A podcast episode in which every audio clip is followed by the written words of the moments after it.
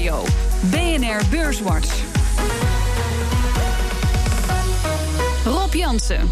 Welkom bij Beurswatch, het enige beleggingsprogramma op de Nederlandse radio met Bob Homan van ING en Richard de Jong van Van Lieshout en Partners.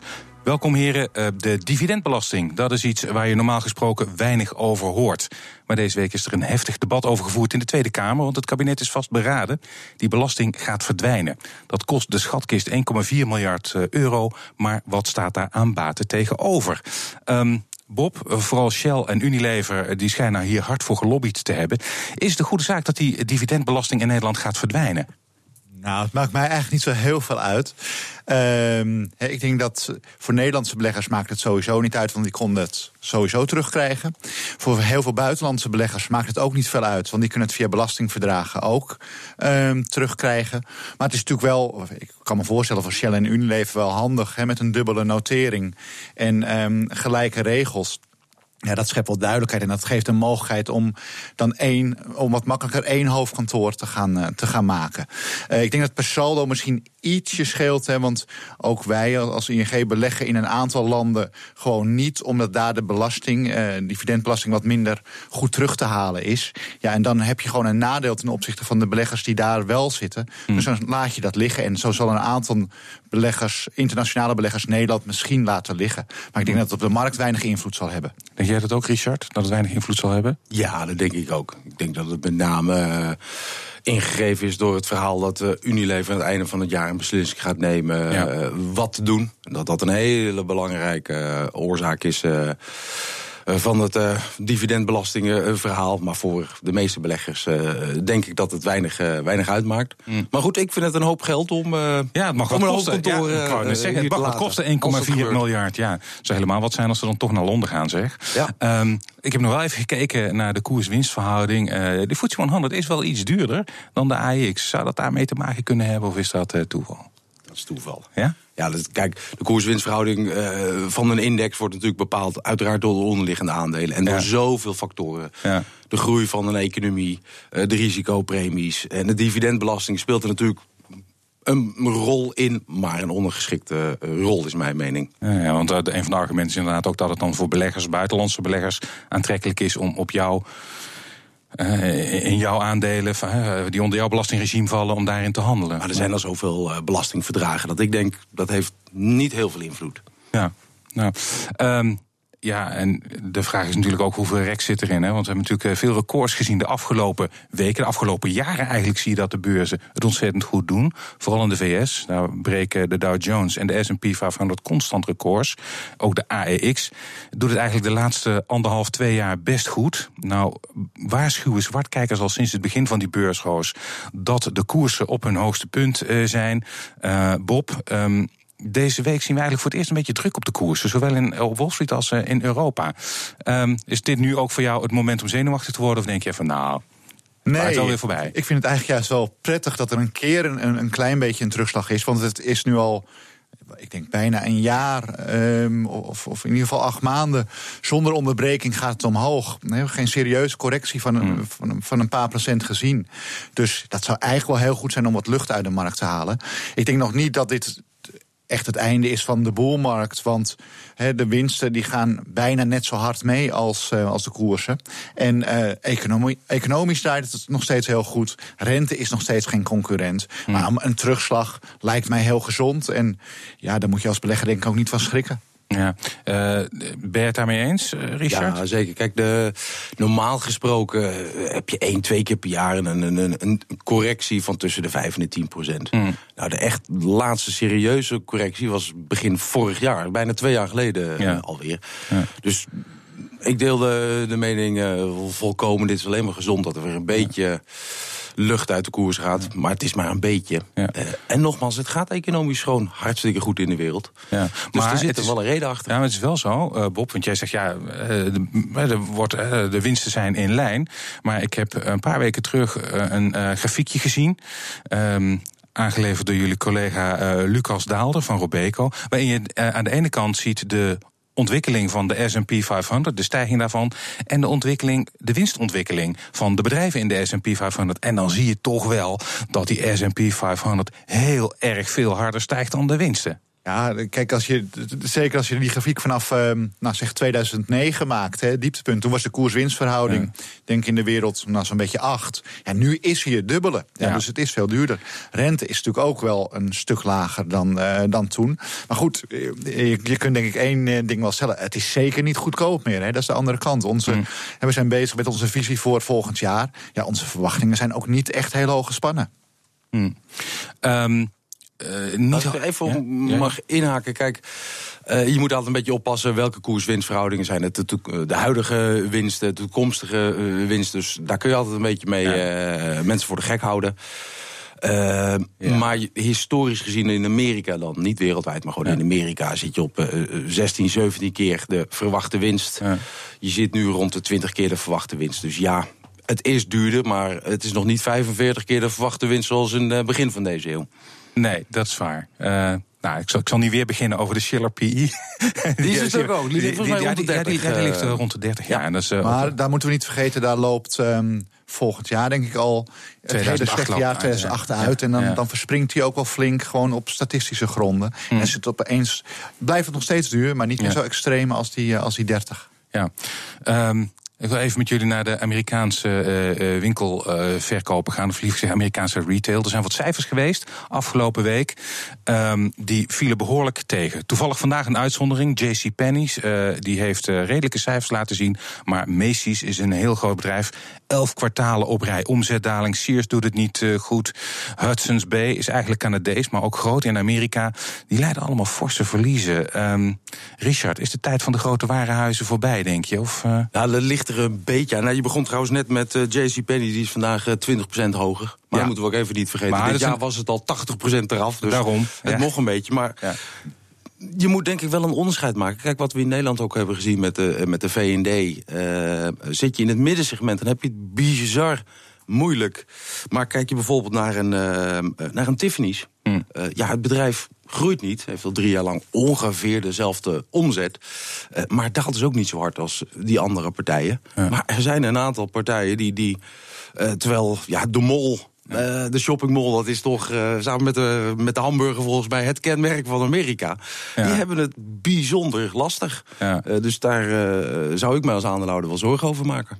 Jij ook, Bob? Ja, zeker. Het, de echt goedkope winkels, nou je ziet in Nederland ook, of de duur, dure segment. Dat ja. doet het nog wel, uh, maar de rest wordt online overgenomen. Hè. Dat ja. is het grote probleem. En ja, die shoppingmalls en ook in die vastgoedprijzen zie je dat dit jaar ook terug in Amerika. Hè. Dus zeker 30% af. Ja, ik net zeggen. Um, en ja, er wordt vaak gezegd, en volgens mij zo is het ook. Onze kinderen, hè, die komen waarschijnlijk nooit meer in zo'n shoppingmall. Die vinden nee. daar gewoon niks aan, die hebben daar niks te zoeken. Ja, dat, dat geeft de toekomst denk ik wel weer. Ja, ja dat, dat zou ook eh, net het volgende punt wat ik wil aanstippen. De vastgoedjongens, uh, die, die gaan hier natuurlijk ook onder lijden. Nou, het is trouwens, als ik nog even mag aanhaken, wel uh, frappant. Of, of, eigenlijk wel, ook wel heel, heel erg leuk. Dat bijvoorbeeld een, een Amazon ja. Die, die begaat eigenlijk weer de omgekeerde route. Ja. Die gaat toch weer uh, uh, fysieke winkels openen met, met, met bepaalde belevenissen en belevingen ja. erachter. Maar het is toch wel, uh, wel heel grappig om te zien. Maar ben jij, op, terugkomend op jouw vraag, ben jij een, een, een vastgoedbelegger alleen in shoppingmalls? Nou, dat zou ik liever op dit moment niet zijn. Zometeen praten we verder over het cijferseizoen. Onder andere over de resultaten van ABN AMRO en Ahold de Leijzen. BNR Nieuwsradio. BNR Beurswatch. We gaan het hebben over de cijfers van onder andere ABN AMRO en Ahold Deleuze. Dat doe ik met Bob Homan van ING en Richard de Jong van, van Lieshout Partners. Maar eerst maken we even de balans op van afgelopen week voor de AEX. Die sloot vandaag op 547,3 punten. En dat is 1,4 procent lager dan vorige week. Stijgers. De aandelen die op weekbasis het sterkst stegen in de AEX. Uh, op 1 Ahold Deleuze met een plus van 4,9 procent. Egon uh, met een plus uh, van 2,4 procent op de tweede plek. En Unibail Rodamco kreeg er 1,3 procent bij. En het midcap aandeel dat het best presteerde deze week was Bezi met een plus van 1,7 procent. Dalers. Dalers. De grootste dalers in de AEX. Deze week Altis een verlies van 17,7 procent. Op de tweede plek SBM Offshore met een min van 12,1 procent. En Galapagos 8,2 procent eraf. En in de midcap was de grootste daler deze week Air France KLM met een van 12,8 procent. En de AX is deze week drie van de vijf handelsdagen lager gesloten. Ehm, ja, heren, laten we eerst even met Altis beginnen. Vorige week stond hij ook al op mijn lijstje. Toen ging dat 22 procent uh, bijna vanaf. Uh, deze week dus 17,7 procent. Groot, groot aandeelhouder Patrick Dailly heeft de Franse CEO aan de kant geschoven. Wil het vertrouwen van de financiële markten terugwinnen. Um, ja, Bob, is Altis zich aan het verslikken in zijn groeistrategie? Nou ja, ja, daar is de markt in ieder geval wel bang voor. En ze hebben natuurlijk veel schuld. Hè. Er is ja. 50 miljard uh, schuld. De aandelen capitalisatie is nu nog 15 miljard waard. Dus de balans ligt wel een beetje verkeerd. Dus veel geleend geld. Ja, en als de, de resultaten nog een beetje tegenvallen en er is wat onrust, ja, dan gaan mensen zich daar zorgen om maken. Want dan moet men meer rente gaan betalen. Hè. Volgens mij loopt er volgend jaar ook een stuk van een lening af. Dus ja, ja de herfinanciering wordt dan misschien wat, wat lastiger. Um, en je ziet eigenlijk al een tijdje, de schuld gaat nog steeds omhoog. De winst neemt wat af. Beleggers maken zich zorgen. Kunnen ze die rente en die, en die aflossingen nog wel betalen? Hmm. Hoe kijk jij daar tegenaan, uh, Richard? Altis uh, wegblijven? Of, uh... absoluut wegblijven. Ja, ja het bedrijf, wat Bob al zei, 50 miljard schuld, omzet 20 miljard. Ja. betalen 3,5 miljard, zeg ik uit mijn hoofd, aan per jaar aan rente. Ja. ja. dat soort bedragen, daar kom je nauwelijks bovenop om uh, onderaan de streep uh, wat geld te verdienen. Ja. Uh, maar daar kom je alleen maar mee weg als je omzet gigantisch autonoom ook gaat groeien. Ja. En dat zie je gewoon niet bij Altis. Nee, en hebben we nog geen eens over het als die rente een keer gaat stijgen de komende jaren. Ja, uh, dus nee, het is misschien voor uh, speculanten als iets hard is afgestraft, pak het eens op. Maar voor de echte beleggers, uh, intrinsiek geloof ik niet nee. in de strategie van het bedrijf. Mm. Nou, misschien Ahold Delhaize wel, want die zijn deze week met cijfers gekomen. En het afgelopen kwartaal heeft het bedrijf tot vele verrassing een marktaandeel gewonnen in Amerika met name ondanks de toegenomen concurrentie van Aldi en Lidl. Um, ja, lijkt me een knappe prestatie, Bob. Ja, zeker. Um, ja, wij zijn heel positief over Ahold ook wel. Want wij denken dat het door en dat verhaal rond Amazon en Whole te zwaar is afgestraft. En uh, op dit, ja, het is gewoon een goed geleid bedrijf. De online strategie met bol.com is, is best sterk. Hè, ondanks dat Amazon ook naar, uh, naar Nederland uh, komt. Ja. Heeft bol.com dan echt toch wel nog, nog een voordeel van ten eerste schaalgrootte. En zijn naamsbekendheid. Um, ja. ja, en wat je nu ook ziet is, hè, die dollar die is toch weer iets sterker geworden. Dat is ook wel weer gunstig voor Ahold. Nu ze zoveel uh, uh, over zee uh, van hun winst vandaan halen. Dus ja, een, goed verhaal. En dat was het al. Maar de markt keek er eventjes anders naar. Die was bang voor die Amazon Vacation. Mm -hmm. Nou, dat blijkt dan nu toch vooralsnog mee te vallen. Ja. Richard, ben jij ook positief over Ahold Delhaize? Ja, dus, uh, de, de, vorige keer dat ik hier mocht ja. zijn was er trouwens ook uh, de tip uh, ja, ja. die ik mocht geven. Nou, wat ik met name ver, eigenlijk veel verrassend vond, in positieve zin de, des woords van Aalt, was dat er eindelijk weer wat ze noemen voedselinflatie in Amerika dan zichtbaar was. Dat betekent dat de prijzen stegen. Ja. Uh, en los van het feit dat ze marktaandeel uh, wonnen, wat natuurlijk heel knap is in zo'n ja. concurrerende markt, ja. is dat ze ook de prijzen konden verhogen. En dat is, vind ik wel een heel groot uh, teken van kracht. Ja. Um, uh, Bob stipte net al aan, uh, Amazon Prime komt naar Nederland. Dan kan je voor een ja. paar, paar, euro per maand uh, niet alleen on-demand series kijken, maar ook spullen laten bezorgen, gratis. Daar betaal je dan niet meer extra voor. Ja, maar het is wel een stuk duurder dan, dan Ahold, hè? stuk duurder dan het Ahold. abonnement. Het abonnement, ja. maar er is toen wel gekeken met name naar bol.com. Wordt dat voor bol.com niet... als dat langer, als die als, als Amazon hier een tijdje zit, wordt dat niet een probleem. Dat geloof ik eerlijk gezegd niet. Nee? Uh, de toekomst zal natuurlijk uitwijzen, maar bol.com is een ijzersterke merknaam wat mij betreft. Hmm. Uiteraard heeft bol.com niet uh, de televisie die ze in het, uh, in het pakket kunnen, kunnen stoppen. maar het merknaam bol.com met de leveringen die ze doen is ijzersterk. En uh, dus ik geloof op korte termijn dat Amazon, uiteraard zullen ze een stukje van de markt afsnoepen. Mm. Maar je ziet dat bol.com zo verschrikkelijk hard groeit. Ze zijn nog niet winstgevend, maar het groeit bijzonder hard. Mm. Uh, een omzet van 3 miljard. Uh, mm. Wat mij betreft een hele mooie propositie Ahold.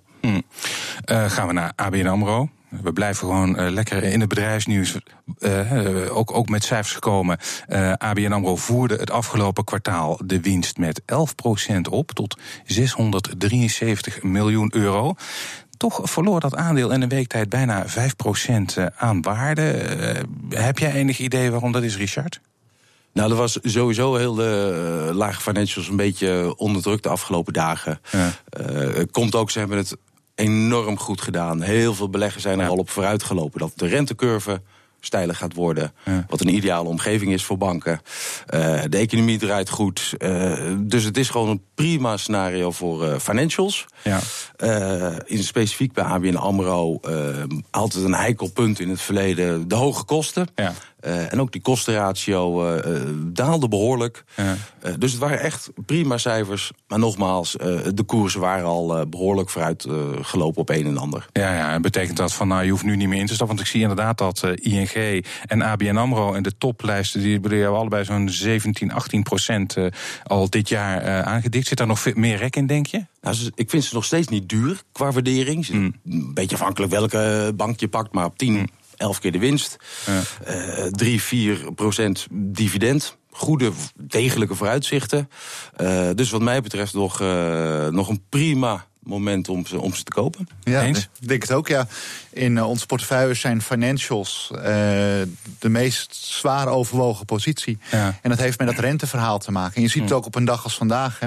Als de rente wat stijgt, hè, vandaag en gisteren... zie je dat financials er wel uitspringen. In een negatieve beurs ja. uh, boeken de meeste financials toch een plusje. Ja, nog even een, een, een saai puntje hierin. Dat klinkt een beetje saai. Dat gaat namelijk over Baselregels.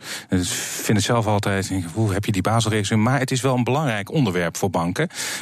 Die Baselregels die zijn internationale regels voor banken die eigenlijk voorschrijven hoeveel bufferkapitaal ze moeten aanhouden. En de verwachting is dat die regels strenger gaan worden. En dat zou natuurlijk wel de winst in de toekomst kunnen drukken. Is daar geen vrees voor? Ja, ik denk absoluut. Uh, de, leverage gaat wat, wat omlaag. Maar tegelijkertijd, voor aandeelhouders, men maakt zich bij banken toch ook altijd wel zorgen om het risico. En het, dan gaat van de ene kant de winstgevendheid wellicht wat omlaag, maar het risico wordt ook minder. En ik denk mm. dat, dat het ook prima in evenwicht houdt voor, uh, voor aandeelhouders. Dat heb je denk ik de afgelopen jaren eigenlijk ook wel gezien. Ja. Ja, ik wil nog even kort uh, uh, stilstaan bij SBM Offshore. Ooit een, een pareltje op de beurs. Maar ja, je zag het afgelopen kwartaal. de omzet met 20% gedaald. Ook flink afgestraft deze week. Ehm, dat is. moeten we voorlopig ook even links laten liggen, SBM Offshore? Wij blijven er al, al, eigenlijk al jaren. wij beleggen er niet in. Sowieso niet. Jij zijn natuurlijk ook wat omkoopschandaaltjes. nou, dat was een hele belangrijke reden. Ja. Ja, dat, dat, daar zit ik ook wel zo in. Maar van de andere kant, hè, um, je ziet nu wel uh, die, die olietoeleverancier toeleveranciers het wel goed doen hè, de afgelopen weken op, de, op basis van een stijgende olieprijs. Ja. En ik SPM Offshore heeft natuurlijk nog een beetje pech met dingen die in het verleden zijn gebeurd. Ja. Orders vielen dit kwartaal ook wat ongelukkig. Onderliggend zag er niet eens zo heel slecht uit. Hè, maar zo'n boete, ja, dat doet dan gewoon weer eventjes pijn. En dat, dat die kwam toch wel weer, ook weer als een soort nabrander. We dachten dat we er vanaf waren. Ja. Maar goed, uh, Richard zegt, uh, ik zit er al heel lang niet in. Jij staat er al een beetje... Ja, ja. Jij ja, ziet misschien wel weer kansen in SBM Offshore. Ja, ik denk dat we um, om, om, duurzame reden... inderdaad met die schandalen het eventjes laten, laten liggen. Ja. maar als ik nu zo kijk en, en zie wat die andere toeleveranciers van de olieindustrie doen op de beurs, dan denk ik, nou, dan is SBM Offshore echt wel achtergebleven. Wellicht uh, voor een speculant uh, best aardig. Ja, ik vraag jullie uh, aan het einde van de uitzending. Pardon. Ik vraag aan het einde van de uitzending ook altijd een tip voor de luisteraar. Dat mag van alles zijn. Uh, dat kan aandeel, uh, vastgoed, obligatie. Uh, dus jij mag aftrappen, Richard. Wat is deze keer? Vorige keer was dus uh, Aal de ja, Wat ja. is het nu? Nou, we hebben eigenlijk al een beetje tijdens de uitzending over mogen hebben. Wij zijn heel erg positief op dit moment over financials, ja. banken en verzekeraars. Ja. En voor de meeste beleggers koop, een mooie, koop een mooie trekker. Dan ben je breed gespreid. Hm. En met name de macro-economische omgeving vinden we ideaal. En mocht de rente gaan stijgen, en dat verwachten wij wel de komende jaren, op gematigd tempo, is dat voor sommige aandelen best negatief. Maar voor banken is dat positief. Dus dan heb je een hele mooie schoktemper in je portefeuille. Ja, ik had het eigenlijk niet voorbereid. Maar ehm, ik, ja, dat is onze meest zwaar eh, overwogen positie ook. Die financials, inderdaad, om, eh, om exact dezelfde reden. Ja. Eh, andere overwogen sector is, is nog steeds IT. Doet het Ja. nog steeds heel erg goed. Moet ik wel kijken, bij zeggen, daar zijn we nu. En ze gaan het kijken, is het niet al te hard gegaan... en moeten we niet wat afbouwen? Ik denk dat je er wel altijd in moet blijven zitten. Ja. Maar misschien een klein beetje eh, winst nemen. Ja, en dan heb je het specifiek over IT. Ja, klopt. Oké, Eh, daarmee zijn we aan het einde gekomen van deze aflevering van Beurswatch. Ik dank mijn gasten van vandaag, Bob Homan van ING en Richard de Jong van Van Lieshout Partners. Volgende week is er natuurlijk weer een Beurswatch. Deze uitzending die kunt u naluisteren op de website van BNR of via de BNR-app. Heeft u nog vragen, dan kunt u die mailen naar of een tweet sturen naar Rob Jansen Beurs. Dank voor het luisteren.